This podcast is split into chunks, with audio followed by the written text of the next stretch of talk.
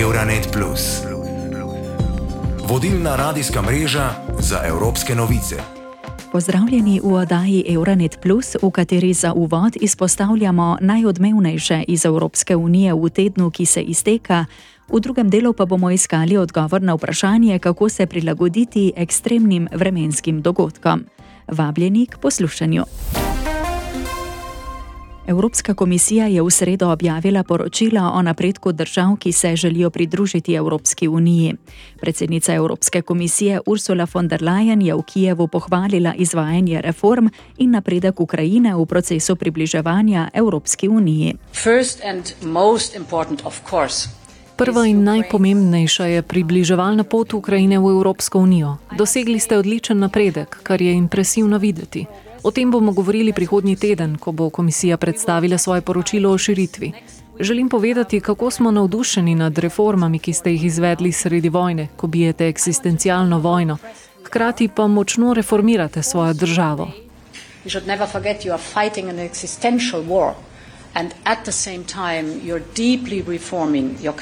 Na skupni novinarski konferenci z ukrajinskim predsednikom Volodimirjem Zelenskim je med reformami omenila reformo pravosodnega sistema, omejevanje vpliva oligarhov in boj proti pranju denarja. Evropska unija je humanitarno pomoč za palestince na območju Gaze povečala za 25 milijonov evrov. S tem bo celotna pomoč Unije za gazo za letošnje leto narasla na več kot 100 milijonov evrov. Nova pomoč pa bo namenjena humanitarnim organizacijam, ki na območju zagotavljajo osnovne dobrine. Predsednica Evropske komisije Ursula von der Leyen. Today I can announce that we are further increasing the humanitarian aid to Gaza.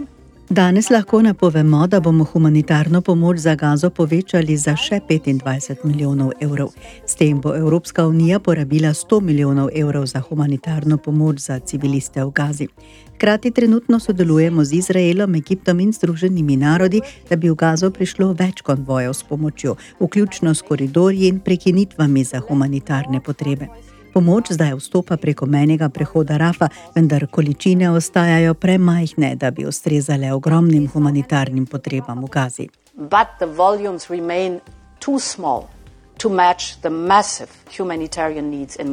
Von der Leinova je v nagovoru veleposlanikom Evropske unije pozvala tudi, da je treba storiti vse, da bi se izognili širjenju konflikta po regiji.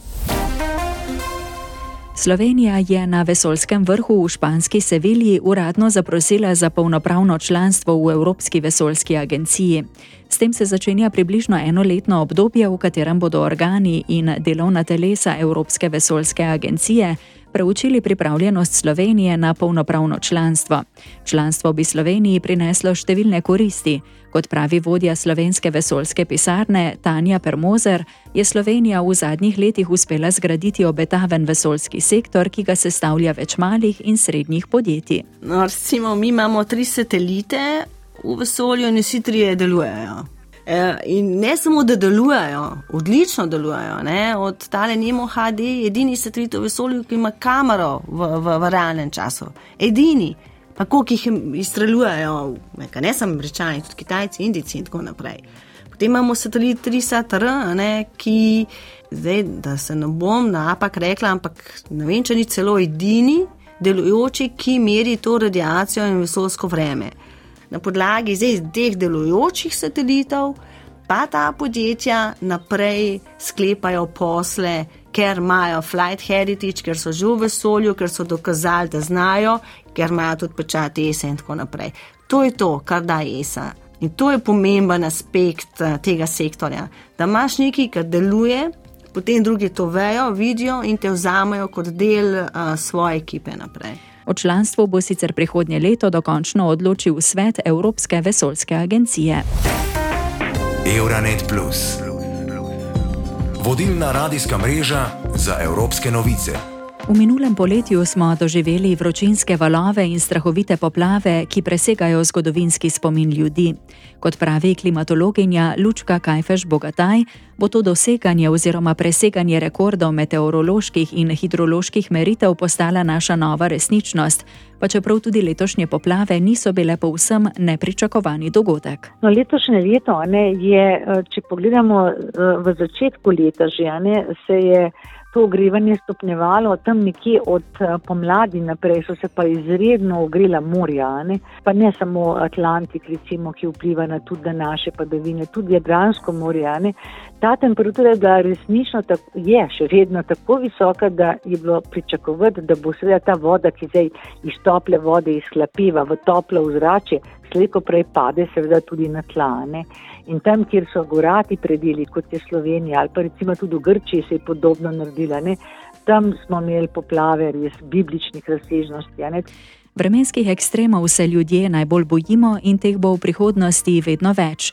Torej zelo vročih, skoraj neuzdržnih poletij, obilnih nalivov, ki lahko povzročijo poplave, pa tudi sušnih obdobij. No, zdaj, če pogledamo tisto, kar uh, mi označujemo kot ekstreme, to je tisto, kar se nam že dogaja in tega se nekako najbolj bojimo. To se pravi, med ekstremi bi omenila izjemno vročino, ne, recimo verjetnost, da imamo ta neznosno vroča poletja, se je že zdaj povečala za desetkrat. To se pravi, če smo prej imeli vroče poletje vsako deseto leto, ne, se nam bo zdaj dejansko dogajalo praktično vsako leto. To so prvi tipi ekstrema. Vse drugega smo letos doživeli, obilni nalivi, ne, ki lahko povzročijo tudi hudurniške poplave, pa seveda tudi v nadaljevanju poplave tudi na drugih koncih, ne samo, kjer smo jih recimo letos v Sloveniji imeli, ne na zadnje, tudi celje bi bilo lahko pod vodo, da ne omenjam Ljubljane. Ne. Tukaj smo prav vsi v Sloveniji enako skoraj da ogroženi. To so ekstremi. Sveda tudi to počasno dvigovanje temperature ima svoje negativne posledice. Mi imamo nove škodljivce, mi imamo recimo razmah podlubnikov, vse kar je recimo za vročino prihaja, ne, nove bolezni prihajajo. Ne, tako da tudi ti postopni dvigi ne, temperatur pomenijo neko nevarnost. Ne. Pa seveda še omenjam suše, ki jih letos sicer nismo imeli, se pa tudi plazijo, ne, dejansko to so plazeče nevarnosti in tudi verjetnost za suše v Sloveniji je danes bistveno večja kot pred 30 leti. Ne? Pa se tudi tukaj nismo odreagirali, nimamo namakalnih sistemov, nismo obnavljali vodovodov, recimo, nimamo nekega trdnega uh, sklepa, kako vrčevati z vodo in podobno. Ne? Tako da, ja, tle imamo neke velike prežeče nevarnosti, pa tudi te, ki prihajajo postopoma. Ne? Tako da, um, žal, ne, je pa veliko teh posledic negativnih imamo tudi pozitivne stvari, ne na zadnje imamo daljšo turistično sezono. Še v oktobru ne se da kopati v morju ne, ali pa hoditi v hribe. Tako da so tudi neke dobre stvari, ampak žal, žal ne te, bi rekla, bolj negativne prevladajo. V luči vremenskih rekordov, kot tudi večina smočišč v sredogorjih ostaja zelenih, tekmovanja v zimskih športih pa odpadajo, je na mestu tudi vprašanje, kako pogoste bodo sploh še prave bele zime. Zime so zelene v dolini in bodo vedno bolj zelene tudi v višjih območjih. Ne. Nekako tam nad 2000 metri ne, bo še vedno sicer sneg in vse, tako kot je bilo, ampak večina ljudi doživlja zimo v nižini a tudi smušarski centri, recimo, ki so naši bolj kot ne nizko, a ne ležeči, bodo imeli ali pa že imajo težave z pomankanjem snega. Ne? Ampak bo pa še nova okoliščina, ker ko padavine ne bojo padle kot sneg, bodo seveda tudi zelo hitro odtekle. Tako da mi bomo morda izkusili tudi zimske poplave, česar sploh nismo bili prej navajeni. Tako da ja, ta sprememba v kroženju vode je po zimi tudi zelo očitna. Kar se tiče Slovenije, pa pravzaprav nobena regija ni vremensko neutralna oziroma varna, stanje pa varira tudi glede na letni čas. Jaz bi tako rekla, v letnih časih različno. Ne? Če bomo rekli o vročini, je sigurno Gorenska varna pred vročino, mnogo bolj ali pa varna pred dvigom morske gladine. Ne?